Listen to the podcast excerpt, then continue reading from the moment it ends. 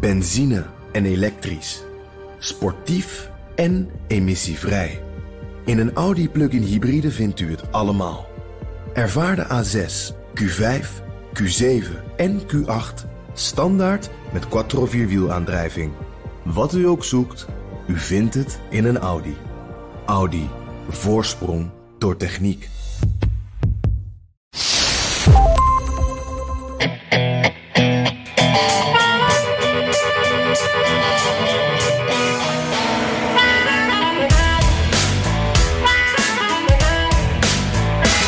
Amerikaans schoolkind kent dat pakkende liedje van Schoolhouse Rock, waarin een simpel stukje papier zingt hoe hij een echte wet wordt. I'm just a bill, yes, I'm only a bill.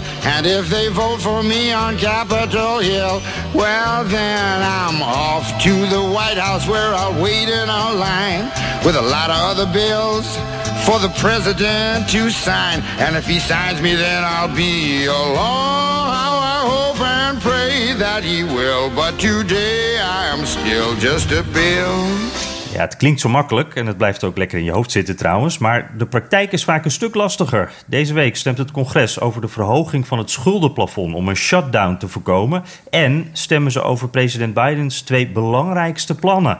Als die het niet redden, wat blijft er dan van Bidens presidentschap over? En de sleutel die ligt in handen van zijn eigen partij. Dit is aflevering 96 van de Amerika-podcast. Ik ben Jan Posma vanuit Washington, D.C. En ja, het is een beetje herfstig, dus heel het land zit aan de pumpkin spice latte. Maar uh, ik heb het toch eventjes gehouden bij een gewone zwarte koffie. En mijn naam is Bernard Hammelburg vanuit The City That Never Sleeps. En dan moet je ook aan de koffie. En Jan, als je het niet erg vindt, de mijne heeft een wolkje. Ah, maar, maar niet, geen cinnamon spice, denk ik. Nee, nee, Dus- nee, nee, nee. dat dacht ik. Doodgewone koffie. Ja. ja, hey, en we zitten nu weer eh, eh, ja, een beetje op eh, gepaste afstand natuurlijk van elkaar. Maar vrijdag zagen we elkaar nog even. Dat was leuk bij het bezoek van premier Rutte aan de VN. Toen hadden we geen tijd om de podcast op te nemen deze keer. Dat was jammer. Maar dus wel even heel goed bijgepraat. En ja, eh, Bernard, eh, de- deze algemene vergadering van de VN was heel anders dan andere jaren. En voordat we het over beide hebben, wil ik het daar even met je over hebben. Hoe, hoe heb jij dat, eh, dat beleefd, deze, deze Nou, editie? ja, nou in geval al een stukje beter dan de vorige. Want vorig jaar was echt alles gesloten. Dus toen was de hele algemene vergadering, die is altijd in september. eh, de tweede helft van september. Toen was die hele algemene vergadering virtueel. Dus eh, daar heeft wel de hele wereld aan meegedaan, maar allemaal van achter zijn, eh, zijn laptop, zal ik maar zeggen. Ja. Dat was nu eh, in zoverre hersteld dat landen weer delegaties mochten sturen, maar met het verzoek om dat echt minimaal te houden. Dus in, in Nederland was de, de premier is gegaan. En aanvankelijk zou de minister van Buitenlandse Zaken komen, Kaag, maar die, die is toen afgetreden Ja. en vervangen door meneer De Bruin. En De Bruin die, die dacht, nee, dat ga ik niet doen. Eh, want er, komt, er wordt nu een procedure gestart voor een nieuwe. Die is er inmiddels trouwens. Hè. Ben Knapen is de nieuwe minister van Buiten, ja, demissionair minister van Buitenland- Buitenlandse Zaken. En eh, dan kwam eh, de koningin, die komt elk jaar. Maar dat heeft dan meer te maken met het werk dat zij doet. Met die microkredieten. Eh, En dat, dat valt dan een beetje. Wat de journalisten betreft, was het wat lastiger. Eh, want wij mochten nog steeds het gebouw niet in. Dus we zijn Nee. wel allemaal geaccrediteerd, lopen allemaal keurig met zo'n blauwe pas om onze nek. Maar eh, dat, dat helpt dan niet. Je mag er toch niet in. Maar dat geldt ook voor de staf van een aantal eh, bezoekende ministers. Ik noem maar wat. En wat ze dus hebben gedaan dit jaar is heel veel vergaderd buiten het gebouw, maar vlakbij. Dus in hotels, op de missies, zoals de ambassades hier heten, van de verschillende landen. Ehm, om zo toch eh, met elkaar te kunnen praten. Dus de zogenaamde bilaterale gesprekjes, die, die, die, die, ook, eh, die, die bijvoorbeeld Rutte ook eh, heeft gevoerd, die zullen naar, ik aanneem, voor een deel buiten het gebouw zijn geweest. Ja, precies. en wat, en, wat, en wat, ja, wat ons werk betreft, wij hadden natuurlijk het geluk dat Rutte wel kwam. Dus jij en ik hebben die ook even kunnen interviewen. Ehm, en ik, eh, ik had eh, als gast in eh BNR De Wereld niet de minister van Buitenlandse Zaken. Dat gebeurt eigenlijk elk jaar in, in, in dit programma. Maar nu had ik uh, Joke Brandt, die is de, de permanent vertegenwoordiger, de ambassadeur dus. Uh, en er was een ontzettend leuk gesprek over ja, hoe je het spel speelt. En bijvoorbeeld, ze zei, Nederland zet enorm in op transgenderrechten en homorechten mm. en vrouwenrechten. En dus de vraag was, ja, hoe krijg je dat nou in de hoofden van landen die daar mordicus tegen zijn? En toen zei ze, nou... Dat is nu hoe je diplomatie bedrijft. Dan begin je dus niet over dit soort dingen, maar wel over geweld. Als je zegt, jongens, zijn jullie het niet mee eens dat geweld, bijvoorbeeld tegen vrouwen, dat we dat allemaal moeten afkeuren? En dan krijg je ze vaak mee. En dan ja. heb je zo het eerste stapje gezet. En het uh, was, heel, was echt heel leuk om naar te luisteren. Dus het was een leuk gesprek. Uh, ook over Afghanistan, uiteraard. Kon niet anders. Ja. Ja. ja. Ja. Uh, nou ja, te horen in uh, BNR en, De Wereld, hè? Dus ja, voor, allemaal, wie het nog allemaal, terug wil luisteren. Ja, het is allemaal te horen in BNR De Wereld, inderdaad. Uh, en dat staat gewoon online. Dus be our guest. Zeker. En, en het was ook leuk, vond ik, toen wij elkaar zagen met, met de collega's daarboven op een prachtig dakterras. Nou, niet dakterras, dakterras. Een, een terras op de elfde verdieping. Ja. Uh, de Nederlanders hadden gevraagd of ze de, ruimte mochten gebruiken van de Deense ambassade. Want die heeft dat prachtige terras. Dus daar stonden we dan, jij en ik en, uh, en de andere journalisten. Ja, ja, en dat was een mooi plekje. Hè? Want uh, nou ja, ik, zat, ik had een uh, cameraman ook bij me, uh, Daan, voor de Telegraaf. En Daan die zei al meteen van, oh, maar dan moeten we straks, we kunnen niet op het oude plekje. Dat is in de, de Rose Garden, hè, op dat terrein van de VN. Dat, dat ziet er ja. altijd heel mooi uit. En dat, dat is ook lekker rustig in de zin van, dan komt er geen verkeer langs. daar kunnen we niet staan. Dus moeten we dan straks op straat. Wat hebben ze bedacht? Nou, gelukkig scheen de zon. Dus we konden inderdaad op dat, dat fantastische terras met zelfs uitzicht op het VN VN-gebouw. Uh, dus dat uh, had de, de, Nederlandse vertegenwoordiging had dat heel mooi uh, ja. geregeld. En, en, ja, Rutte die doet dan een paar gesprekken. Hè. Die, die moet dan eventjes in sneltreinvaart in 20 minuten spreekt hij ons eventjes allemaal toe, één voor één. en daar vertelde hij over dat hij met de secretaris-generaal had gesproken. Hij had een paar andere van die bilateraaltjes gehad met andere landen. En daarna uh, door naar zijn, uh, zijn speech natuurlijk, want die moest hij toen nog houden op dat moment. Ja, en, en Bernard, wat, altijd opvalt, hè, die, Rutte die heeft zo'n enorme energie. Die, die, heeft net de algemene beschouwingen gehad. Die zit nog midden in een formatie. Nou, je noemde Kaag al. Later bleek ook nog dat, dat toen wij hem spraken... dat waarschijnlijk al wat speelde met een staatssecretaris... die ontslagen moest worden. lange vlucht gehad, jetlag. En, ja, midden, en midden in de nacht, hè? Is hij... Ja, precies. Ja. En Met... niks van gemerkt. Nee. Die man was wakkerder dan wij allemaal bij elkaar, volgens mij. Ja, ja.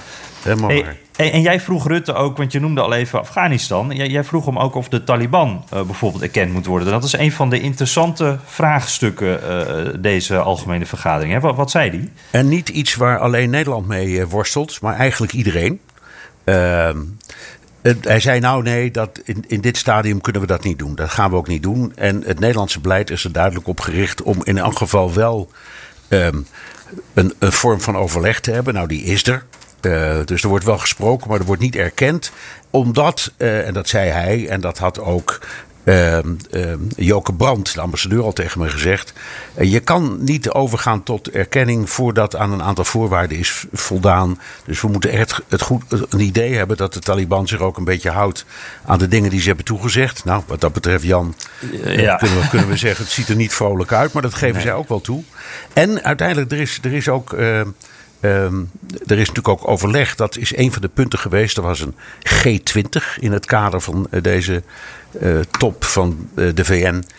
dat ging nou wel virtueel. En daar was, dit onderwerp kwam steeds maar terug. En Rutte zegt dus, naar mijn idee heel terecht... nee, voorlopig even niet. die erkenning. Dat moeten we nog niet doen op dit moment. We moeten eerst zorgen dat, dat, nou ja, dat daar sprake is van een min of meer normaal regime waar je min of meer normaal mee kunt overleggen. Ja. Dus het uh, gaat nog even duren, denk ik. En dat maar, zorgt voor wat praktische probleempjes. Hè? Want we hadden een, een, een, een nieuwe Taliban-ambassadeur eigenlijk... die zich in ieder geval zichzelf opwierp. Van ik ben eigenlijk de woordvoerder van Afghanistan. Tegelijkertijd de oude, uh, die, die, zou nog een speech houden. Uh, heeft hij uiteindelijk niet gedaan. Dus, dus het is echt een impasse op dit moment. Ja. Dus een beetje... Ja, nou dat werkt formeel zo dat als er een nieuwe ambassadeur wordt aangewezen dan, eh, dan wordt die geaccrediteerd door een commissie van, eh, ik meen, negen landen. Eh, en die, nou, die bekijken of zo iemand geaccrediteerd kan worden. En daar zitten bijvoorbeeld Amerika en Rusland en China zitten allemaal in die commissie. Die commissie die, die beslist dat pas in de loop van de komende weken. Dus die nieuwe ambassadeur, waarvan ik vermoed dat hij gewoon inderdaad wordt geaccrediteerd hoor, die was nog niks. De oude zat er al, maar die vertegenwoordigde een regering die was verdampt of niet meer bestond. Dus, dus uh, ja, Joke Brandt vertelde ook: ja, we praten wel met die man. want hij is een goede bron van informatie. Maar ze kunnen natuurlijk niks, nergens beslissingen over nemen, niet onderhandelen. Uiteindelijk heeft de VN besloten: nou ja, dan krijgen geen van deze twee mannen een gelegenheid om namens hun land een toespraak te houden. Dus het, is, het, is, een, het is een surrealistische situatie. Um, zoals dat misschien hoort als zo'n grote oorlog afloopt en een nieuw regime um, zijn plaats gaat zoeken. Het was wonderlijk allemaal. Ja, ja, ja. ja, Hey Jan, even iets heel anders. Uh, jij liep zondag zomaar een filmset binnen in Washington. Vertel. ja, ja, ja, ik was net terug uh, uit, uh, uit New York. Uh, en het was hier nog heel mooi weer. dus ik liep hier wat richting het Witte Huis. en er was de weg afgezet. dat, nou, dat was, was wel een mooi avontuur even. Dat was 17th Street, voor wie Washington een beetje kent. Die weg die, die langs het kantoor van de vicepresident ook loopt. En daar stonden allemaal mooie, grote Amerikaanse klassiekers geparkeerd. Echt van die enorme, van die slagschepen van auto's. En uh, wat bleek, er werd daar een serie opgenomen voor HBO, die betaalzender. En dat heet The White House Plumbers. Er zit onder andere uh, Woody Harrelson zit daarin. En dat was wel erg leuk, Bernard. Want ja, er zit daar op de hoek een Pete's Coffee, zo'n koffieketen. En dat was verbouwd tot het campagnekantoor van Nixon. dus daar stond heel groot op: Re-elect the president, Nixon now. en, en ja, dus al die jaren zeventig bakbeesten die reden daar rondjes, letterlijk, over die afgesloten weg. Die reden heen en weer om maar de illusie te, te creëren dat het uh, heel druk was daar op dat moment. Uh, dus het voelde echt even alsof je een soort uh, andere tijd binnenstapte.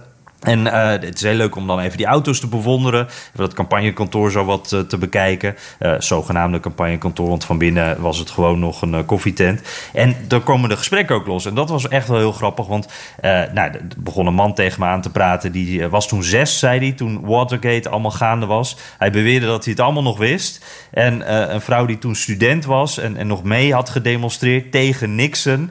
En die, die, eindigde ook met van heel op een sarcastisch toontje van, nou, toen hebben we al veel plezier van Nixon gehad. Uh, en nu met deze opnames, nu heb ik voor, heeft de stad voor de tweede keer plezier aan Nixon. En, en toen wees ze ook op de afgesloten weg en al die hardlopers en, en uh, het verkeer dat niet door kon, kon, gaan, want het was allemaal afgesloten natuurlijk. Maar dit mogen ze wel vaker doen, want het was een mooie ervaring. Ja, ja hier in New York gebeurt dat heel vaak, hè, dat...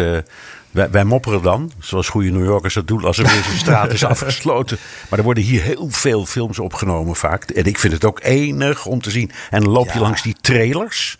Dus de, en daar staat ja. dan de, de, naam van de acteur op. Want ja. die heeft natuurlijk zijn eigen trailer of zijn eigen deel van een trailer. Met het prachtig vind ik dat. En overigens, je zegt nou herinneren, Jan, uh, uh, helaas, ik ben een oud mannetje. Maar uh, ik, ik herinner me natuurlijk Watergate precies. Uh, ik heb het ook meegemaakt. Ik was toen ook al uh, actief. Uh, en ik heb later ook een van de plumbers waar je het over hebt, heb ik ook nog geïnterviewd. Dat was J. Gordon Liddy. Ja, die is inmiddels overleden. Ja, ja. ja. en die, die is daarna. die, is, heeft in de gevangenis gezeten. Dus die is opgepakt, die is gestraft. en weer vrijgekomen. En is toen een talkshow host op de radio geworden. Een soort, ik zal maar zeggen, Hannity of Tucker Carlson.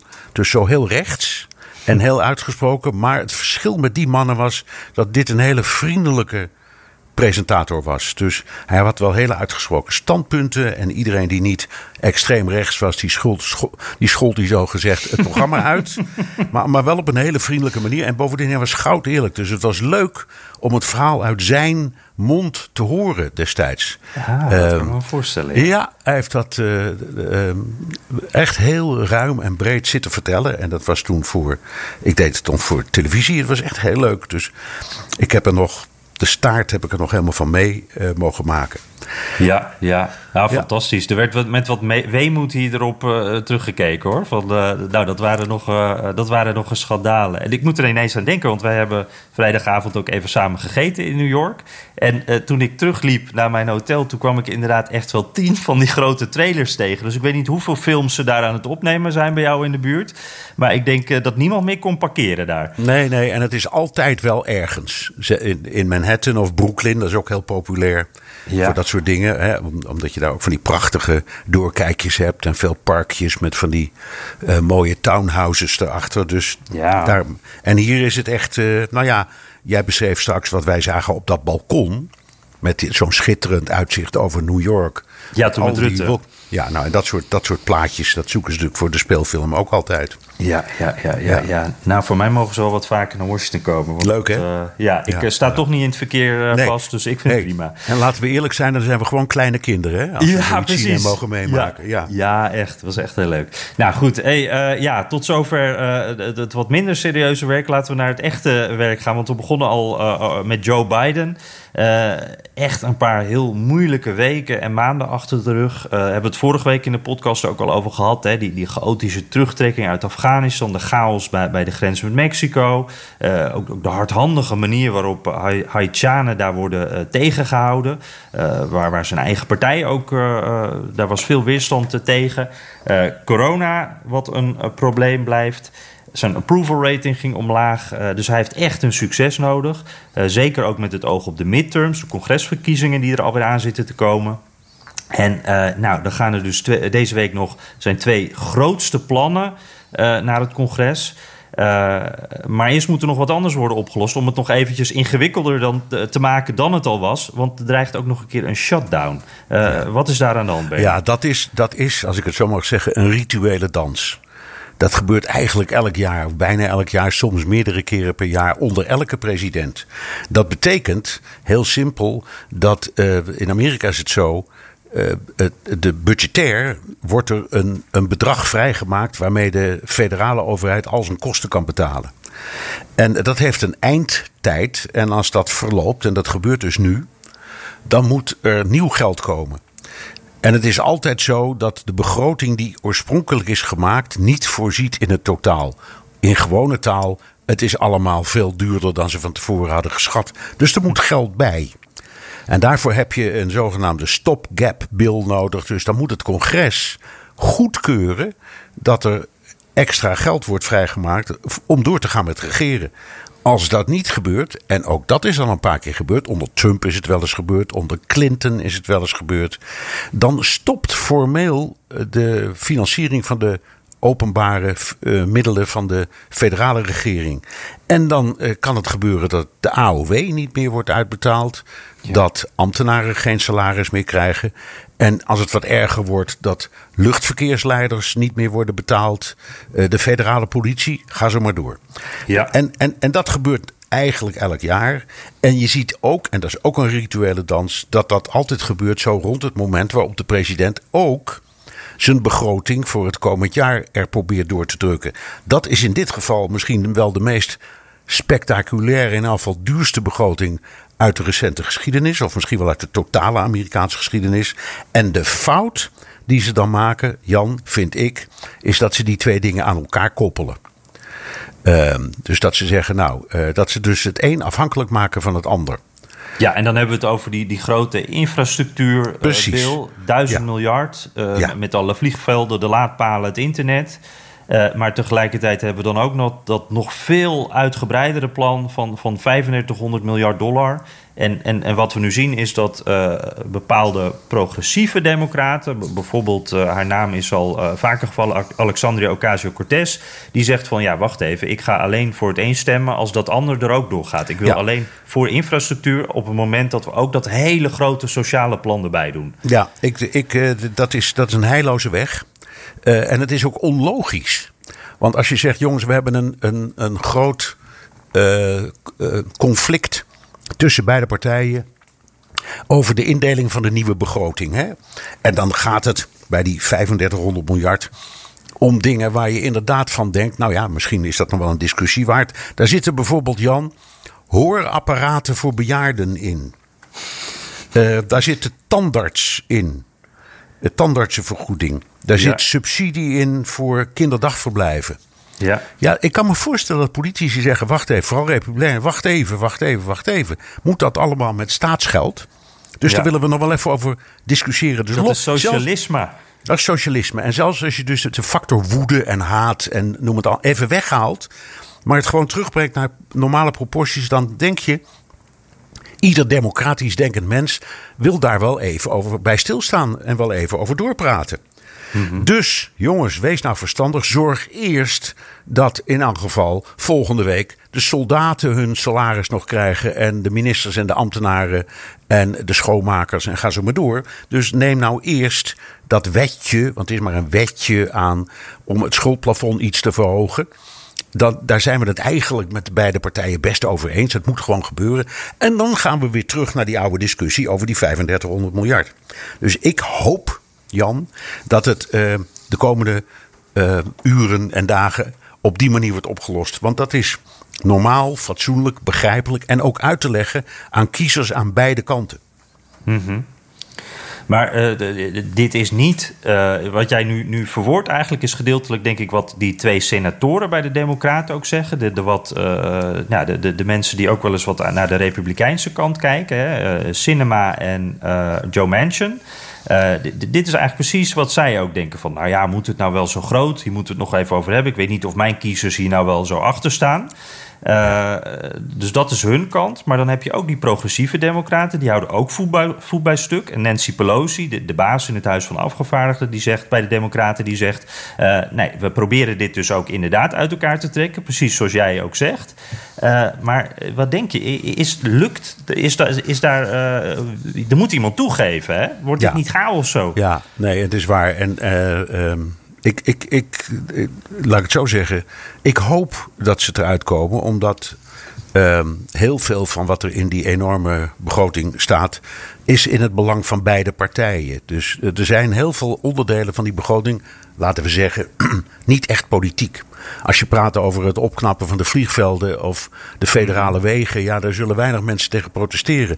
En zelfs kwesties als het verbeteren van het internet. Want er zijn nog steeds grote delen van Amerika waar je helemaal niet online kunt.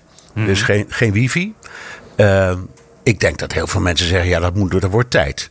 Dat je zorgt dat er meer laadpalen komen. Als er meer elektrische auto's komen, daar komen ze ook wel uit.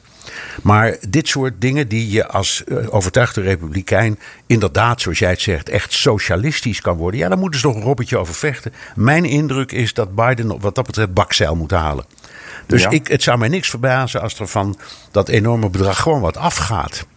Ja. En dat dan de leider van eh, de eh, Senaat, eh, Mitch McConnell, zegt: Oké, als jullie daartoe bereid zijn, een concessie doen, dan willen wij misschien ook wel wat. ja, dat de Republikeinen dan ook wel willen spelen. Aan de andere kant begrijp ik Biden ook wel, want dit is zijn claim to fame. En hij doet dus alles om vast te houden aan de begroting die hij heeft bedacht samen met zijn medewerkers. Een begroting waarin in elk geval voor zijn partij beide vleugels gelijk krijgen. Dat Ja. was zijn uitgangspunt. Nou, en ieder mens die iets weet van politiek of onderhandelen, die weet dat dat een heilloze weg is. Dus er moet ergens, iemand moet eh, een beetje door het stof. En dat zal voor Biden zeker ook gelden.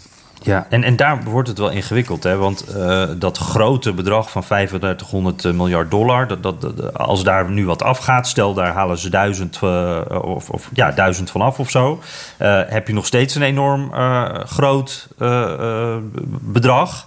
Ehm, maar oh, oh, tegelijkertijd voelt dat ook wel als een nederlaag dan voor Biden. Want die wil ook dat, dat grootse, dat moet er denk ik wel in zitten. Dat wil die progressieve vleugel ook. Biden wil natuurlijk ook de geschiedenis ingaan als die man die eigenlijk het plan eh, ja, de, de door heeft gekregen, waardoor eigenlijk eh, de, de hele grote veranderingen zijn gekomen. Als, als een soort revolutie in plaats van dat compromis, wat uiteindelijk niet zoveel heeft veranderd. Nee, nou ja, maar je kunt het ook omdraaien en zeggen: als er, eh, laten we zeggen, 1000 miljard afgaat, is het nog steeds een mega begroting. En daar kan hij ook wel mee de boer op. Hè? Dus hij kan altijd zeggen. ehm, hij kan Trump imiteren, die in, bij tegenslagen altijd de nadruk legde, Ja. legt- legde op wat wel was gelukt. Ja, wat, een, ja. wat een hele goede tactiek is. Dus dat kan hij ook doen hoor. Hij kan echt. Dat is een goed punt. Hij, kan, hij kan ook, ook ehm, als hij campagne gaat voeren voor congresleden, bijvoorbeeld eh, bij die congresverkiezingen van over een jaar, dan kan hij daarmee best de boeren op van jongens, we hebben ontzettend gevochten en we hebben toch het meeste eh, is gelukt. We hebben toch op een groot aantal punten is, is precies geworden zoals we willen. Dat is prima voor jullie kiezers. En dan roepen ze allemaal ja. En hoe zit het dan met eh, die hoorapparaten? En dan zegt hij ja, dat is niet gelukt. Maar we geven het niet op hoor. Volgend jaar komt er weer een begroting. En dan gaan we er weer voor. Dus als hij dat doet op die manier. Misschien dat hij er dan nog een beetje mee wegkomt. Maar jij hebt gelijk. Als, als hij dit er niet doorkrijgt. En een concessie moet doen. Waarvan ik overtuigd ben. Dan is het toch een beetje een zeepert. Ja, en, en is nog even, want eh, zoals jij het omschrijft, dat zou inderdaad de Trump-manier, dat zou super slim zijn. Daarmee, heeft hij dan, daarmee zou hij wel van Obama hebben geleerd, dan denk ik. Want die, was, die, die verkocht het niet zo goed, hè? Nee, nee, En- die was, nee maar, en ik vind eerlijk gezegd, nou ja, wij, jij en ik luisteren natuurlijk altijd heel eh, precies naar wat Biden zegt en ook hoe die spreekt als hij spreekt. En ehm, ja, dat is niet zijn grote kracht, overtuigingskracht. Ehm, hoe dat nu binnen kamers gaat, dat weet ik niet. Want hij heeft natuurlijk een enorme carrière gehad als senator. Nou, die doen niet anders dan met elkaar onderhandelen en soebatten. Eh, Zeker binnen achter gesloten deuren. En als vicepresident was hij eh, onderdeel van de Nationale Veiligheidsraad en, en nog andere gremia. Eh, en misschien is hij daar beter hoor. Dat weten we gewoon niet. Dus, eh, maar, Nee, daar maar- krijgen we steeds wel heel. eh, maar dat klinkt dan ook wel. eh, dat is erg PR natuurlijk. Dan van Democraten krijgen we dan horen. Oh, maar eh, Biden die zat enorm op de bal. Hij wil echt iets voor elkaar krijgen. Er wordt heel hard door hem onderhandeld en zo. Alleen die, kant van hem die zien wij dus niet zoveel buiten dat Witte Huis. Eigenlijk Nee. helemaal niet. Dus dat is best wel moeilijk om daar. om- ja, om- om in te schatten hoe dat nou echt zit. Nou ja, het, en het is eigenlijk andersom. Als we hem zien spreken en het klinkt een beetje, dan zeggen wij een beetje verbaasd tegen elkaar. Nou, dat klonk, dat klonk goed zeg. Dat viel mee. Dat viel mee, precies. Nou, dat geeft een beetje aan hoe het zit. Dus eh, aan de andere kant, je kunt zeggen, ja, het gaat niet alleen in de politiek niet alleen over de vraag hoe goed je toespraken kunt houden. Hè? Het gaat er uiteindelijk om hoe goed je binnenskamers onderhandelt met je eh, partijgenoten en met je tegenstanders. En wat dat betreft eh, moeten we hem absoluut toch nog wel een beetje het voordeel van de twijfel geven. Toch? Ja, en, ja, nee, dat denk ik ook. Eh, vooral eh, zolang deze grote dossiers dus nog niet, eh, ja, nog niet geregeld zijn. Maar dat, dat, dat is wel iets. het- is denk ik moeilijk te onderschatten hoe belangrijk deze week en weken worden het misschien wel voor beiden zijn. Hè? Want ja. die grote plannen, die- die heeft hij echt zo hard nodig. Dat maakt of breekt zijn presidentschap eigenlijk nu al. Het is erop of eronder. Ik denk dat je Ja. helemaal gelijk hebt, Jan. Hé, hey, Jan, zullen we dan even. Het is bijna onvermijdelijk. we- proberen al bijna 100 podcasts lang niet te doen. Maar toch nog maar even te hebben over Trump en de Republikeinen. Ja, Eh, ja. Want de afgelopen week eh, kregen we de uitslag van die ehm, hertelling, die stemmencontrole in Arizona. Jij bent daar destijds nog naartoe geweest. ja. Ehm, Republikeinen en cyber ninja's, wat dat dan ook precies zijn, die hebben daar vijf maanden lang alle stemmen herteld en gecontroleerd. Kostte 6 miljoen dollar. En de eerste uitkomst was dat Biden 300 stemmen meer heeft gekregen dan bij de officiële telling. Ja. Dus dan, dan, dan denk je als onnozele lezer van de krant, nou, die jongens die gaan stevig op hun bek. Ja, precies, precies. En ik moet ook wel zeggen, ik, ja, ik moet er ook al een beetje bij lachen. Ehm, ik, het was ook wel lachwekkend. Er de, de, de lekte al wat dingen uit dat rapport. Eerste versies kwamen naar buiten. En daaruit bleek dus inderdaad dat het eigenlijk eh, precies anders uh, uitkwam dan, dan wat, wat ze natuurlijk waar ze naar op zoek waren. En ook naar al die grote woorden van bijvoorbeeld Trump zelf. van, oh, dit wordt echt het rapport wat alles gaat veranderen. Want dat zei hij tot een paar uur voordat dat naar buiten kwam zei hij dat nog. Maar um, ja, dat, dat verhaal uh, veranderde ook heel snel al. Want die officiële uh, presentatie, toen wij met uh, Rutte aan het praten waren, toen kwam dat, dat rapport naar buiten.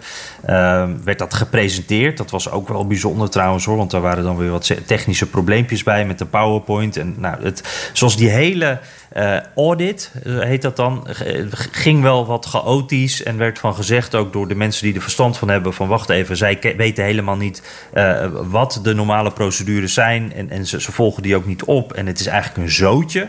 En dat is ook wel wat ik heb gezien toen ik daar in Arizona was. Um, maar goed, het verhaal werd toen meteen heel anders. Want daar zijn ze wel heel goed in. Ze legden meteen de nadruk op alle onduidelijkheden die er zijn. Er werd meteen gezegd: ja, maar we kunnen helemaal niet uitsluiten dat er toch wel dingen verkeerd zijn gegaan. Uh, dan denk ik van ja, maar je kunt ook niet bewijzen dat er wel iets verkeerd is gegaan. En ja, die experts die zeggen dus van ja, al die redenen, al die dingen die jullie hier aangeven, dat is eigenlijk allemaal ongefundeerd. Er zijn hele andere uitleggen voor. Eigenlijk grenst het weer aan complottheorieën. Uh, de dingen die heel schimmig worden gepresenteerd, die, zijn dat eigenlijk helemaal niet. Dan gaat het bijvoorbeeld om het aantal enveloppen dat is gebruikt. Die gaan ze dan tellen. Nou, daar zitten dan discrepanties in. Maar ja, een envelop is niet hetzelfde als een stem. Um, en, en ja, dan denk ik ook, dit onderzoek was juist ook om dit allemaal uit te zoeken, om daar duidelijkheid over te krijgen. Dus als je nu nog steeds vraagtekens hebt, ja, dan, dan klopt er dus ook iets niet aan dat onderzoek. En. Uh, maar ondanks dat blijft dan het verhaal dus bij die Cyber Ninjas, dat bedrijf dat uh, achter dit rapport zit, de Republikeinen in Arizona en ook bij Trump zelf, uh, blijft toch van ja, er was fraude. En dat was ook letterlijk wat Trump zei. Die had dit weekend een rally. Uh, en die zei van ja, uit die audit bleek dat ik heb gewonnen. Dus dat er echt wat verkeerd was. Um, en we weten ook in, in Pennsylvania, Wisconsin, in Texas bijvoorbeeld, zijn ze nog steeds bezig, willen ze ook dit soort audits. Dus ondanks dat ja, de uitkomst een beetje een, een natte scheet was, uh, uh, ja, wordt er toch gespind, Bernard. Ja, dus even om, om het samen te vatten. Uh, de Republikeinen huren een firma in, daar in Arizona, om een groot onderzoek te doen naar de uitslag in een bepaalde provincie. Ja. Uh, en dat doen ze met enorm veel uh, geheimzinnige dingen. Jij bent er gaan kijken en ik herinner me dat je vertelde dat je er ook niet precies de vingers achter kon krijgen terwijl het voor je neus gebeurde.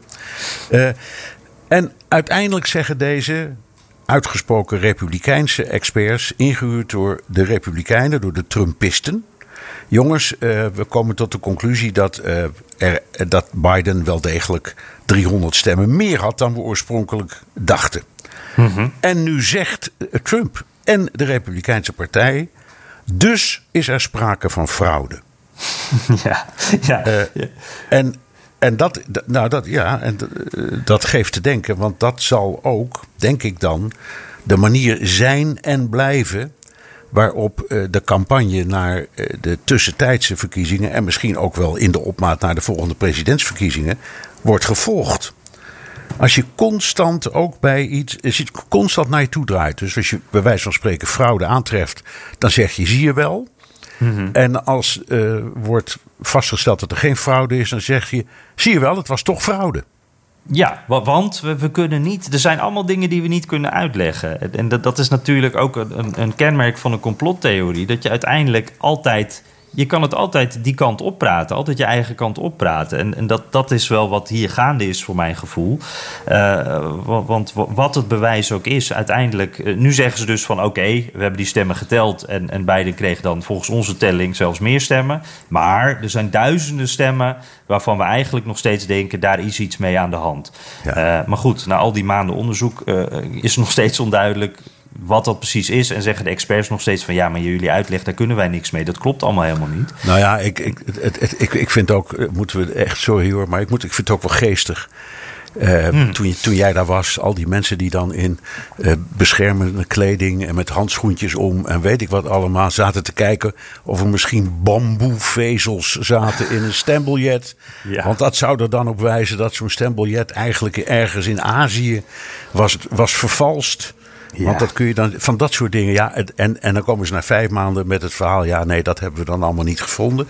Maar er is toch fraude. Het heeft voor mij, hoe erg het misschien ook is, ook wel iets komisch. Ja. Het is, het is echt gewoon een. een het, het- af en toe doet het je denken aan eh, kleine kinderen die eh, met hun voeten staan te stampen en drammen, drammen om een ijsje. Ja. Dat is het toch ook wel een beetje. Ja, er zit iets van. Het is, wensdenken eigenlijk. Hè? Ja. Wat de uitkomst ook is, wij vinden wat anders. Maar nu, maar nu Jan, ehm, de vraag: wat gaat dit doen? Want we praten uiteindelijk toch over de Amerikaanse democratie, verkiezingen die eraan komen. eh, het komend jaar en dan over drie jaar presidentsverkiezingen. Wat moet nu de, de kiezer hiermee? Ook de Trumpistische kiezer. Ja. Eh, want je, je kunt niet van die ver- veronderstellen of verwachten dat die continu maar blijft denken: oh, als eh, Trump en de zijnen zeggen het was fraude, dan is dat zo. Of Ja. denk je dat dat wel zo is? Ja, nee, dat, is een hele interessante. Sowieso, dit, blijft gewoon een, grote rol spelen. Eh, we, we hebben Trump, eh, die, die heeft er dit weekend dus weer eh, wat over gezegd. Maar je ziet ook bijvoorbeeld dat, dat kandidaten van de Republikeinen... Dat, dat, die moeten door een soort checklist van Trump en, en zijn campagneteam. En Trump die selecteert ze onder meer op de vraag... Ja, vind jij dat er fraude is gepleegd? En als daar een vinkje bij komt, als dat een ja is, nou, dan wil Trump wel eh, jou endorsen, wil hij wel achter jou gaan staan. Dus da- daar is een soort eh, systeem gaande waarbij die, dat geloof eh, verspreid wordt. Daarnaast is er natuurlijk zijn er de, media, Fox News en, en daaraan gelieerde wat extremere media die dat ook blijven verkondigen. En dus ik denk als Trump-stemmer. Eh, een groot deel gelooft dit gewoon echt nog steeds. We komen een beetje terug op waar we al eerder op te- terug zijn gekomen. Maar eh, dit- het is ook een, een wensdenken. Niet willen dat je die verkiezingen hebt verloren. En hier dus aan vast blijven houden. En eh, wat ik me daarbij dan ook afvraag: van hoe ga je dit dan die komende verkiezingen uitleggen als Republikeinen? Want aan de ene kant zeg je. ehm, eh, er is fraude gepleegd bij die laatste verkiezingen. Eigenlijk erkennen we bijna niet de president die er op dit moment zit. Voor een groot deel van, de, van, van die Trump-stemmers geldt dat. Die zeggen echt, not my president. Het is niet eerlijk gedaan, gegaan. En aan de andere kant zeg je ook van... ja, maar jullie moeten wel naar de stembus gaan. Ehm, En dan, en dan zeg je dus ook tegen de kiezer: ehm, er zal wel weer fraude zijn, eigenlijk. Ja, Dus ja, wat, gebeurt, wat, wat gebeurt er nu als de Bidenisten of de Democraten het een keertje omdraaien? Hoe, en op, dat, het, mom- op het moment dat een republikein eh, ergens een overwinning haalt, dat ze roepen: ja jongens, daar klopt geen donder van, dat was fraudeloos. ja, nou ja, is er dat één wordt- grote leugen. Wat zou er dan gebeuren? Ja, ik, ik, weet je wat, dan krijg je dus... Je hebt nu al twee wa- waarheden tegenover elkaar. En dat wordt dan alleen nog maar meer zo. En, en wat Ja. natuurlijk zo raar is, ook bij die laatste eh, verkiezingen... Dat, dat dan Trump zegt, ja, maar de presidentsverkiezingen... in specifieke staten, daar is fraude gepleegd. Eh, maar ondertussen in diezelfde staten... als daar republikeinen in de Senaat of, of, of eh, in het Huis zijn gekozen... Daar, daar is dan geen fraude. Dat, dat was de uitslag wel goed van. Ja, dat is natuurlijk cherrypicken... Heel Ja. selectief geloven wat jou goed uitkomt. En ik denk dat dat dus. Dat blijft gewoon zo. Ja. Ook als democraten daar een, een tegennarratief eh, zou- zouden plaatsen, zoals jij dat omschrijft, eh, zoals jij dat voorstelt. Ja, ik Wat moet denk jij? even. Ja, nee, nou, ik moet eerst eventjes een meteorologisch commentaartje geven. Van terwijl jij dit Oh. allemaal zo schildert, begint het hier ongelooflijk hard te regenen. Echt stortregenen en ook te stormen. Dus Oh. mocht onze luisteraar af en toe een gierend, griezelig geluid horen door mijn microfoon, dat klopt. Dat is de wind. Nou, nou, is dat een voorteken, Bernard? Hier schijnt de zon nog. Nou ja, ik, ik vind op het moment dat we het hebben over de komende verkiezingen en er komt een soort storm. Ja, dat vind ik dan toch wel heel, heel apart. toepasselijk. Ja. Hey, Ja, Jan, ja, ja. is dit een mooi moment om naar de luisteraarsvragen te gaan? Ja, laten we dat dan maar eens even doen, inderdaad. Eh, eh, hopelijk kunnen we daar wat positiefs uit halen. Ik moet even beginnen met een, eh, een, een tweet die ik afgelopen week kreeg... naar aanleiding van onze laatste aflevering van Auke. die ten eerste zei, leuke podcast. Nou, die steken we in onze zak. Nummer 95 was mijn vierde aflevering die ik luisterde... en zeker niet de laatste. Maar hij zegt ook een kleine correctie over de nucleaire subs, uh, de onderzeeboten. Die zijn niet stiller dan diesel- of elektrische uh, duikboten. en dat is onder andere vanwege de koelpompen van de reactor. Verder hebben ze wel veel voordelen. Nou, oh, ik heb hier nul verstand van, Bernard. Nee, dus, nou, ik ook. En ik, ik praat ook maar na. Ja. Uh, en ik heb de indruk dat Auke weet waar hij over praat. Dus die heeft ja. ongetwijfeld gelijk. De redenering was, hè, dat ging dan over die Australische aankoop van onderzeeërs. Ja. Die hadden ze aanvankelijk in Frankrijk besteld. En dat zijn, die zijn, worden aangedreven op diesel. Uh, en um, de, de, daar zijn ze van plan veranderd. En bestellen ze nu in Amerika, althans met Amerikaanse technologie. En dat zijn nucleair aangedreven uh, onderzeeboten. Het belangrijkste argument herinner ik me, waar wij het over hadden, was niet alleen uh, het geluid. Want met geluid kan de, de, de vijand, zou ik maar zeggen, je makkelijk vinden. Makkelijker. Maar het feit dat die dingen eindeloos onder water kunnen blijven. Eigenlijk, zeggen de experts, maar Auke zou dat kunnen bevestigen. Uh, zolang er voedsel aan boord is, hoeft hij nooit boven te komen. Mm. Uh, dus hij kan heel lang en heel ver door gebieden varen die uh, belangrijk zijn. En het wordt wel eens, hebben we toen ook gezegd, het, misschien wel het belangrijkste wapen genoemd. Uh, dat de krijgsmacht heeft, omdat je verplaatst in alle stilte zonder dat iemand het in de gaten heeft. Een platform waar vanaf je de vijand kunt zien. Maar hij zit ook stampvol met kruisraketten. Dus je, kunt, je verplaatst dus ook een lanceerinrichting zonder dat iemand er iets van weet. Hmm. Maar dat, dat, dat, dat, dat een dieselmotor motor, die wekt elektriciteit op, hè, daar komt het op neer. Dat die uh, min, uh, min, uh, evenveel herrie maakt als een, ehm, een nucleaire, dat wist ik niet. Dus ik neem het onmiddellijk aan. Ja, ik uh, ga er ook maar in mee. Die koelpompen die maken blijkbaar het geluid. Nou, daar, daar ja. gaan we. Uh, dank in ieder geval, Auke.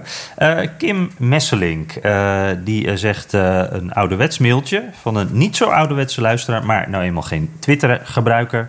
Um, luistert altijd naar de podcast heel goed. En die zegt: Afgelopen podcast hadden jullie het over onder andere Californië en Silicon Valley.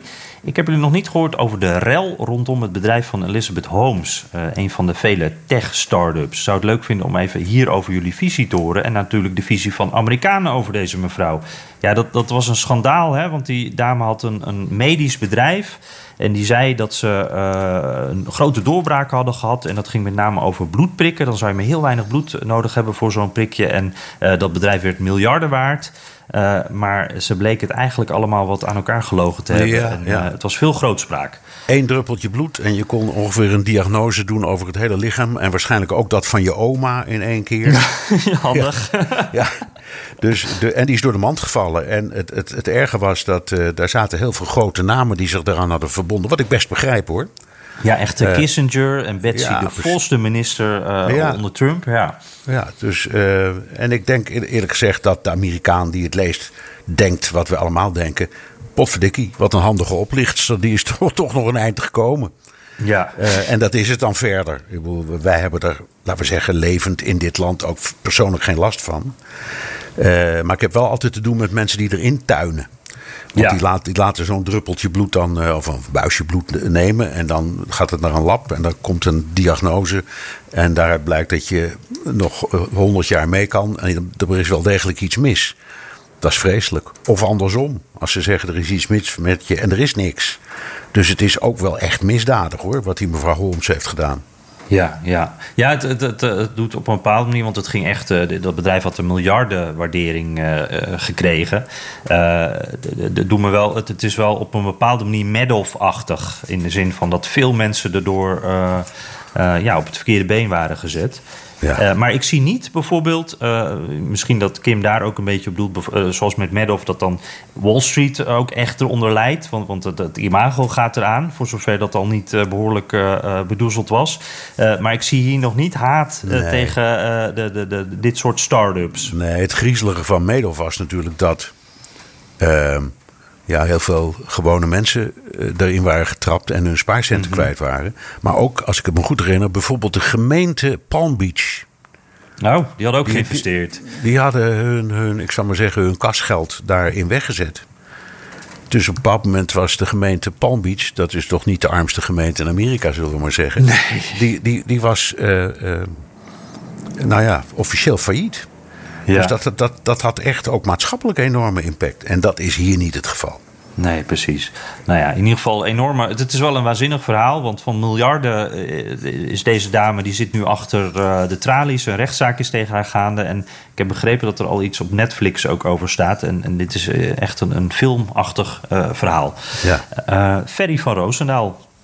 Eh, die zegt, eh, die eh, dit, heeft me door de verbouwing geholpen, jullie podcast. Niet zo relaxed als schilderen, tuin aanleggen of andere arbeidsverrichten dan eh, tijdens dat werk naar jullie luisteren. Ehm, en die heeft een boekentip. Een fictieboek geschreven door Bill Clinton en James Patterson. Oh ja, de dochter van de president. In dit boek komt heel duidelijk naar voren dat alles politiek wordt gemaakt. Zelfs een ontvoering van een dochter van een oud-president. Ik hoop dat dat wat verder van de waarheid ligt. Eh, eh, hier komt zeker een film van, zegt hij. Groeten Ja. vanaf een zwembad op Gran Canaria. Ja, ja, ik heb het gelezen. Jij misschien ook. Oh, Weet nee, niet. ik heb het niet gelezen. Ja hoor. Wat ik heb vond het je ervan? Aardig. Ehm, ik vond het aardig. Eh, ik, James Patterson is een. Ja, die, die produceert de ene eh, eh, detective roman na de andere. Echt Ja. stapels en stapels en stapels.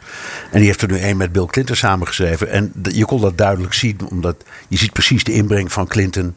En het is natuurlijk allemaal een beetje geschreven vanuit zijn eigen gezin. En het is best spannend. En het is onderhoudend. En ik hoop inderdaad dat er een film komt. Want die wordt vast leuker dan het boek, als je begrijpt wat ik bedoel. Als je dit ook kunt zien, dan gaat het meer spelen. Ja, precies. Ja, ik hoorde dat- de hele ja. wisselende recensies van. Van Ja. mensen inderdaad die helemaal lovend zijn. En, en ook mensen die zeggen, ja, eigenlijk stelt dit niet zoveel voor. Dus nee, is, nou, eh, ik, ik hoor bij die laatste, maar ik vond het toch vermakelijk. Ja, ja. En ik geloof dat Hillary Clinton, die heeft ook zo'n soort boek eh, nu geschreven. State of Terror heet dat. Met een ja, andere. dat is net Dus- uit. Dat heb ik, dat heb ik nog niet. Nee. Nou, kijk, dus eh, dat, Ja. dat is in ieder geval dan een, een tip de andere kant op dan, eh, Ferry. En eh, dank. En geniet ervan daar aan dat zwembad als je daar nog bent. Misha Lewis. Eh, bij deze een bericht van een hele trouwe luisteraar uit Seattle. Een geboren en getogen Amsterdammer, maar- woont met mijn vrouw Sabine en kinderen Zoe en Noah sinds eh, 2015 niet meer in Nederland. Nou, hij heeft een eh, eh, hele leuke, eh, eh, lange mail die ik zal proberen eh, een beetje recht aan te doen en hem heel kort samen te vatten. Het gaat erover de situatie in Seattle en waar wij het ook vorige keer over hadden, daar aan de westkust en ook in Portland, eh, waar eh, veel. eh, mensen dakloos zijn. Hoe komt dat nou? Nou, hij, hij vat dat dan een beetje eh, samen door te noemen van... eh, nou, er zijn eh, linkse, eh, progressievere eh, eh, nou, gemeenteraad daar aan, de macht. De, dat speelt mee, maar je hebt ook bijvoorbeeld de techbedrijven... waardoor de hu- huurprijzen enorm omhoog gaan. De, door een wat humaner beleid, zegt hij... zijn dan ook meer daklozen uit de rest van het land die kant opgekomen. En nu zitten we eigenlijk met de situatie dat het ja, uit de hand is gelopen. En hij zegt van ja, ik ben benieuwd naar jullie eigen analyse hierover. Bernard zei het op zich al. Wat is daar misgegaan? Eh, wat is de grondoorzaak van dit probleem? Lag de progressieve mindset aan de geboorte van dit probleem? Eh, of is dat juist eh, de oplossing? Nou ja. Ik vind het En- een ja. bloedmoeilijke vraag, zeg. Ja, ik moet zeggen ook Misha, want jij hebt hem ook gezien. Het is een hele lange mail. Daarin zet hij eigenlijk alle aspecten komen daar al voorbij. Hè? Ja, het is ook zo. Ehm, het- je ziet het ook in San Francisco en al heel lang. Dat was ook al voordat Silicon Valley er was. Daar Maar dat heeft ook- het misschien wel, wel wat verergerd. Hè? Dat, dat dan Ja. de prijzen verder omhoog gaan. Ja, van alles ook. Een kopje Ja. koffie wordt dan ook duurder. Ja. Ehm, maar het is eh, inderdaad zo dat in, in progressieve steden, laten we maar zeggen, in New York zie je dat ook. Mhm. Er, is, er, wordt, er is goede opvang.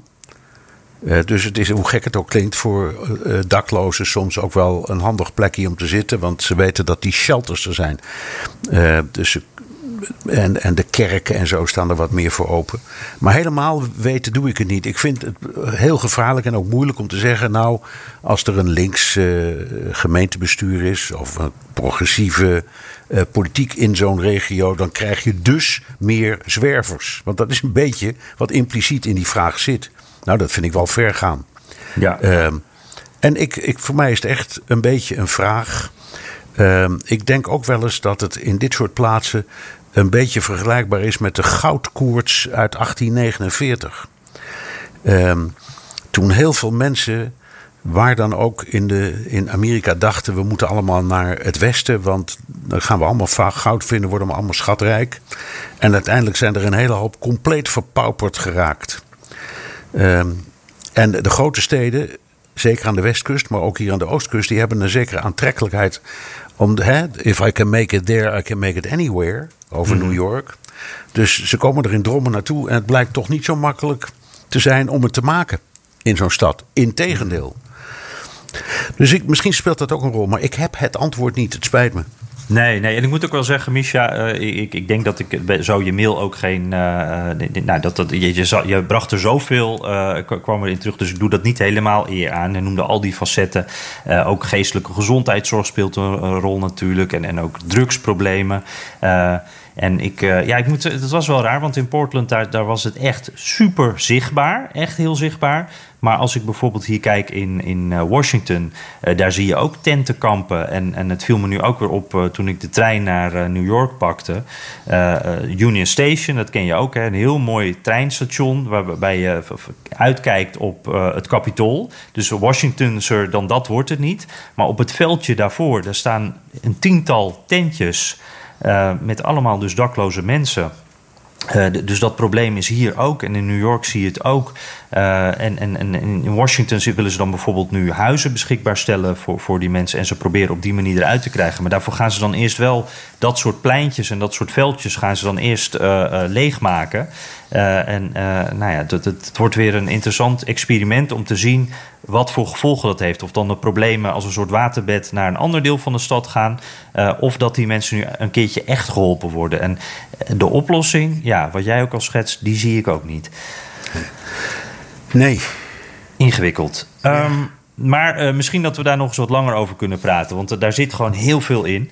Ja. Ehm, dus Misha, dank. Eh Marten Koppelman. Vanuit Breda de complimenten. Een mooie mix van actuele zaken, achtergrond en geschiedenis. Vorige week hadden jullie het over Amerikanen die naar Texas verkassen. Kunnen jullie wat meer vertellen over hoe de demografische ontwikkeling is in de eh, VS? Loopt de Midwest leeg? Nou zeg. Ja, dat is een hele grote, hè? Nee, het antwoord, het antwoord is nee. Eh, de Midwest loopt zeker niet leeg. Het is wel zo dat eh, er een beetje een trek naar het zuiden is. Eh, en het interessante, dat, kijk, dat is altijd die dingen. ge- Ik geloof dat. eh, Ik heb wel eens ergens gelezen dat op elk moment van het etmaal. iets van 20 miljoen Amerikanen aan het verhuizen zijn. Dus ze zijn altijd onderweg, hè? En altijd onderweg. En dat is vaak van de ene naar de andere staat. En vast vaak dwars door het land. En dan krijgen ze ergens een baan. En dan die pakken ze dan. En dan gaan ze met het hele gezin. Dus dat gebeurt. En je, in, in die sfeer is er veel naar Texas gekomen. Eh, en wat interessant is, is dat dat ook minderheden zijn. Dus veel zwarte eh, en Latino-Amerikanen die die kant uit zijn gekomen. Wat misschien uiteindelijk enige invloed zal hebben op eh, de politieke samenstelling en het stemgedrag.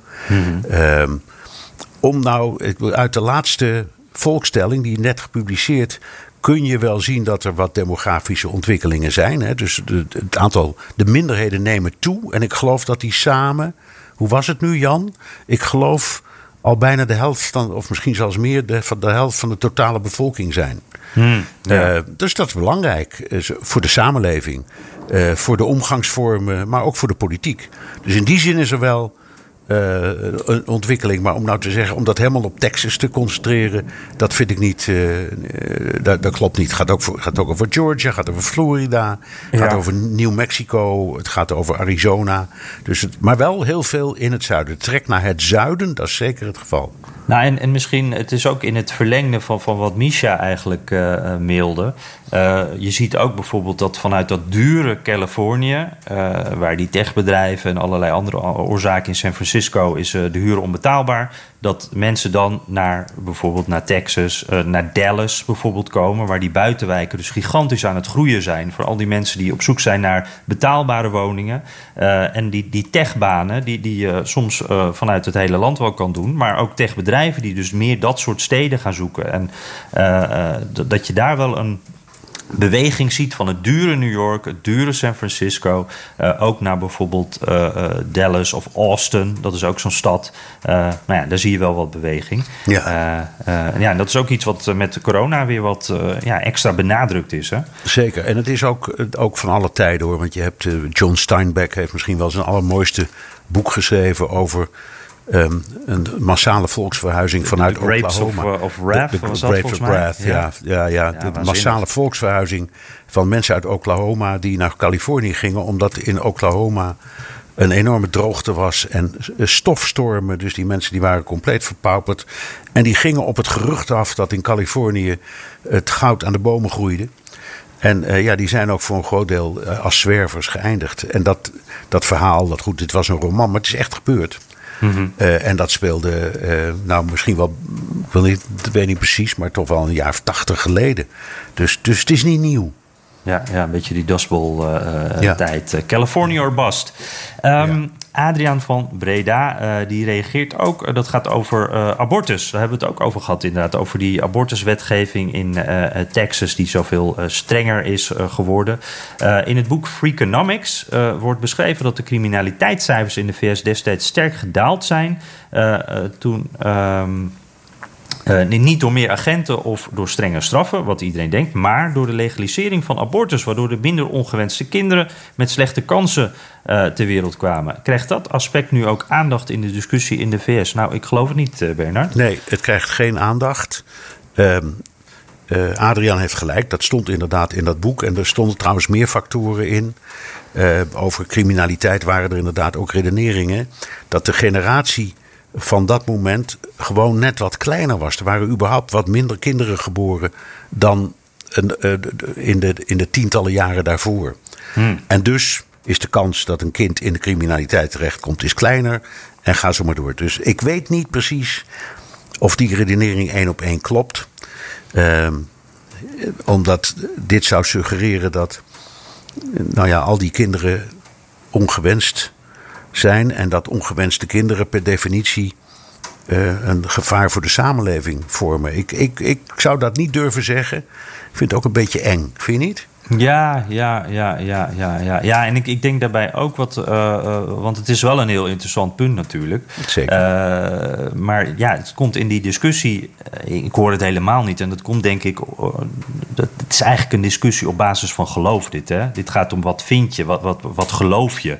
Het is niet eens puur religiegeloof, maar wel conservatief geloof of meer progressief. En ik geloof dat het daar meer over gaat. Het is een, echt een, een issue wat heel erg op de emotie is. En daarbij spelen eigenlijk uh, dit soort zaken, uh, meer rationele argumenten, eventueel, die spelen eigenlijk bijna geen uh, rol voor mij. Nee. Nee, het is heel simpel. De, de, de, de pro-life beweging, dus de anti-abortusbeweging, die zegt om religieuze redenen, dit is, en ook, ze hebben ook medische redeneringen, dit is moord, mag je nooit toestaan als samenleving. Zo simpel is het. Ja, ja. ja. Hey, uh, John Huizer, uh, ja, die zegt, uh, ik had jullie eerder al een mail gestuurd, die hebben we toen ook voorgelezen en dat ging over corona, de vaccinatiediscussie. Hij zegt, de, sympathiek dat jullie dat hebben behandeld, maar ik maak wel ernstig bezwaar tegen hoe jullie mijn reactie afdeden. en hij zegt dan, dat ging er een beetje over van dat wij zeiden van wij volgen de wetenschap en jij kijkt alleen maar filmpjes op YouTube. En hij wil graag meer de nuances horen in die discussie over het vaccin. En dat hoor ik nooit terug in jullie podcast, zegt hij. Dat vind ik erg jammer. Zeker gezien de toenemende polarisatie in de VS. Kies AUB geen kant daarin, want het loopt helemaal mis. Ja. ja. Ja. Jan, we hebben met elkaar daar al een beetje over gepraat. Wij zijn geen medisch programma. Geen medische podcast. En we zijn ook geen vaccindeskundige of virusdeskundige. Dus deze discussie gaat nog heel lang duren. Hè? Mm-hmm. Dus ja, ik, en, ik, ik, ik, ik, zou er niet op tegen zijn om, wat bij ons betreft, de discussie over um, de corona in medische zin een beetje te sluiten. Ja, daar, daar sluit ik me helemaal bij aan. Ja, ook, en, dan, is... en dan in politieke zin is het wat anders hoor, want dat blijft een rol spelen, dat snap ik ook wel. Maar je kunt van ons geen uitspraak verwachten over ik vind dat dat niet hoort over of het nou wel werkt of niet werkt en wat de wetenschap daarvan vindt. Ik vind, ik vind dat, dat, daar zijn wij niet van. Toch? -hmm. Nee, daar ben, dat, inderdaad. Daar, daar, sluit ik me helemaal bij aan. We hadden ook een, recensie deze week van iemand die zei van... Uh, jongens, jullie uh, kiezen helemaal de verkeerde kant. Uh, ja, dit is geen corona-podcast. daar zijn er genoeg van. Ook BNR heeft een paar mooie, dus vraag het aan, aan Gommers. Volgens mij is er eentje. Daar zou ik dan die brieven aan richten. En ja, wij volgen de meerderheid van de wetenschap hierin. want dat is de informatie die wij beschikbaar hebben. Maar we willen inderdaad niet een medische discussie week op week. Dus bij deze denk ik dat we die maar moeten afsluiten. Ja.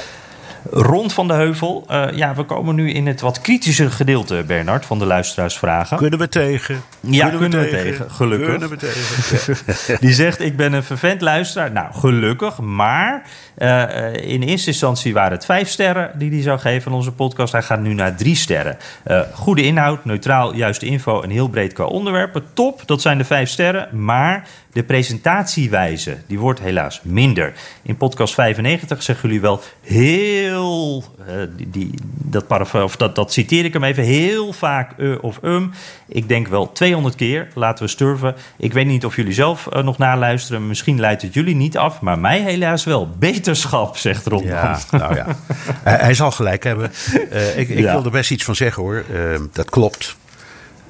Ik, ik, die dingen gebeuren. Maar dat komt omdat een podcast, en zeker deze podcast, is niet of nauwelijks gescript. We, hebben, we schrijven dus wel even de onderwerpen op. En we maken een paar kleine tekstjes. Maar in feite is dit een gesprek tussen twee uh, uh, vrienden en collega's over een onderwerp dat we belangrijk vinden. Hmm. En daarbij komen de gedachten wel eens uh, langzaam en al denkend op gang. Dus het is niet. Kijk, bij, een, bij een normaal radio- of televisieprogramma heb je keurig teksten die je precies leest. En de vragen staan ook vaak genoteerd. Dus eh, wat dat betreft, ja, dat gaat strakker. En dit gaat wat minder strak. Niettemin trek ik me aan wat Ron zegt. Ja, nee, dat heb ik ook. We gaan erop letten, eh, Ron. En, en, om daar niet om excuses te geven. Maar soms dan hebben we wel eens zo'n gesprekje. We hebben het allebei uh, heel druk. Dit is voor ons ook even zo'n rustmomentje in de week. Dat we even tijd hebben om erover na te denken. En dan komen die gedachten inderdaad ook tijdens het gesprek uh, vaak.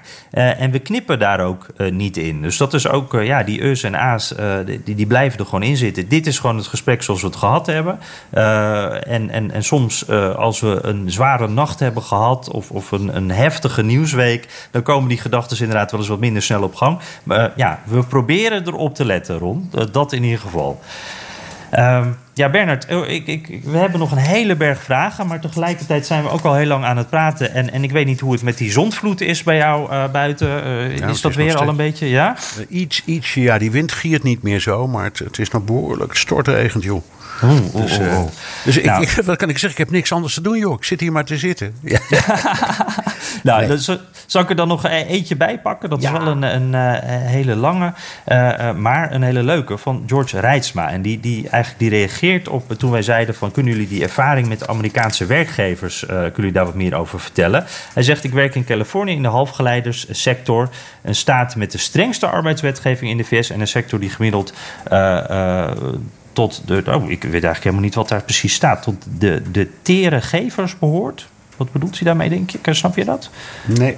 Nee, nou ja. Eh, in ieder geval, uh, er zijn verschillen uh, die enorm groot zijn met Nederland. En hij noemt er waar. En dat is dan wel interessant. Een collega had een burn-out en bleef thuis. Al na een week werd er een vervanger gezocht.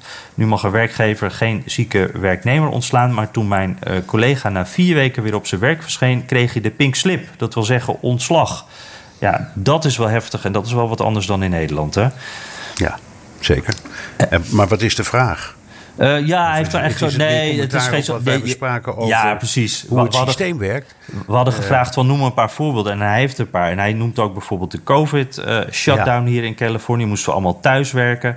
De werkgever is aansprakelijk als we ziek op het werk worden. Maar voor de Delta-variant kregen we doodluik een e-mail. We verwachten u op deze datum weer voltijd op kantoor. Mocht je van plan zijn langer thuis te werken, dan kun je dat bespreken met je manager. En daarbij zal personeelszaken ook aanwezig zijn. Met andere woorden, dan ben je je baan kwijt. Ja. Uh, en hij zegt: Ik heb een, uh, een, tijdbank. Ja, ik denk dat hij bedoelt zeg maar een soort van uh, de, de, de, de, ja, een plek ja, waar hij vakantiedagen staan. Ja, precies. Ja, van 15 dagen, dat is vakantie plus ziekteverlof. Ben je een dag ziek, gaat dat van je vakantie af. Nou, en hij ja. heeft nog een, paar, een heleboel meer voorbeelden. Het is echt wel heftig. Dat, maar dat is, dat is standaard. dat klopt. Uh, ja. zo, zo werkt het in Amerika. En het is heel vervelend met die sick days. Dus dat zijn de, de, de, dagen waarop je doorbetaald ziek mag zijn. Dat zijn er meestal vijf, soms zijn het er tien. Uh, dat betekent dat je een week of twee weken ziek mag zijn en doorbetaald krijgt. Daarna mag je best ziek blijven als je dat nog bent, maar je krijgt geen salaris meer. He, dus mm -hmm. je wordt dan vaak niet ontslagen, maar dan betalen ze je niet meer. Dus daar moet je je dan voor tegen verzekeren. Eh, als, als, de, als de baas geen arbeidsongeschiktheidsverzekering heeft, en dat is meestal niet het geval, dan moet je dat zelf doen. Ja. Ja, en dan heb je ook, het is, over, het is niet overal zo erg in sommige bedrijven, dan, dan bouw je wat meer op aan dagen. eh, en ook aan vakantiedagen. Maar standaard is eh tien dagen vakantie en vijf sick days. Dus dagen waarop je ziek mag zijn. Dus bij elkaar is dat drie weken vrij. En dat Ja. is het. Het is niet meer. En eh, nou, nogmaals, als je wat langer in dienst bent, kan dat opbouwen. En sommige bedrijven zijn er wat liberaler mee, maar in het algemeen niet hoor. Ja, en George noemt hier ook nog, eh, dat is ook wel een interessant. Hij zegt van, eh, gemiddeld hebben mijn collega's en ik eens per vier jaar vakantie. Want tijdens een lopend project mag je geen vrij opnemen. Eh, du- Dus het kan zelden dat je vijf of meer dagen achtereen eh, vrij hebt. Dus eh, ja, het- heftige, heftige Dat, dat is waar, situatie. maar, de- maar daar staan dan in het algemeen wel hele mooie salarissen tegenover. Hè?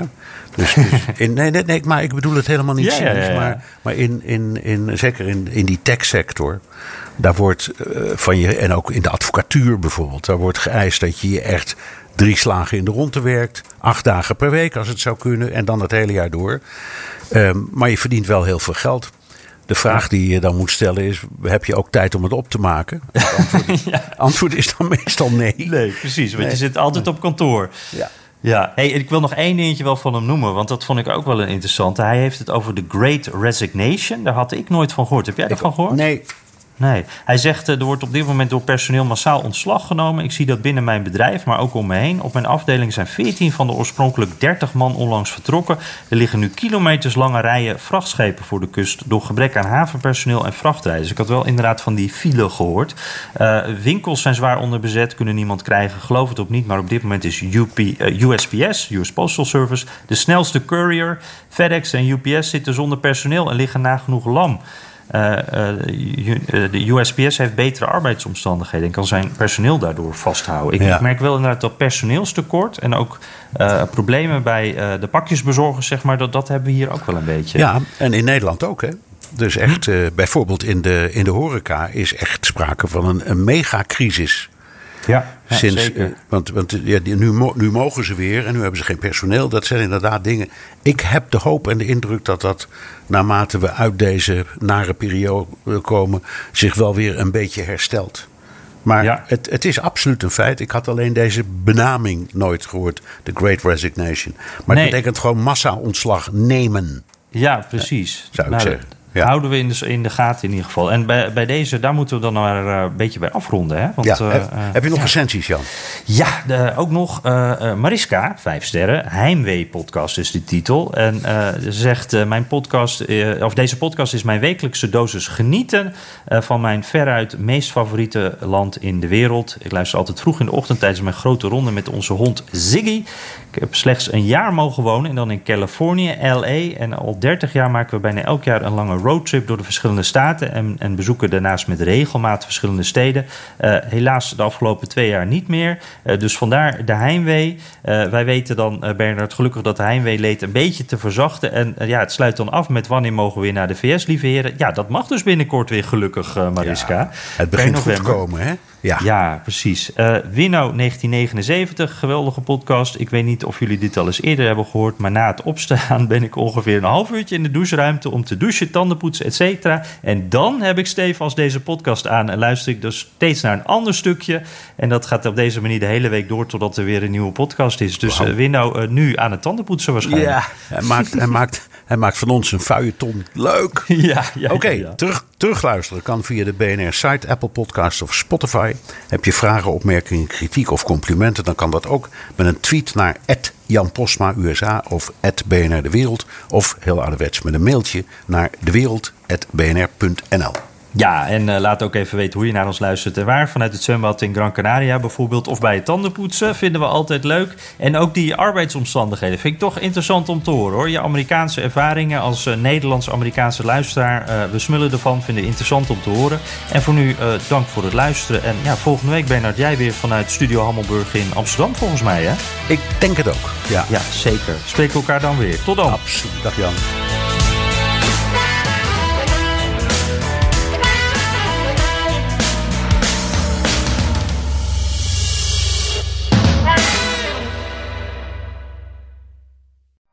Benzine en elektrisch, sportief en emissievrij. In een Audi plug-in hybride vindt u het allemaal. Ervaar de A6, Q5, Q7 en Q8 standaard met quattro vierwielaandrijving. Wat u ook zoekt, u vindt het in een Audi. Audi. Voorsprong door techniek.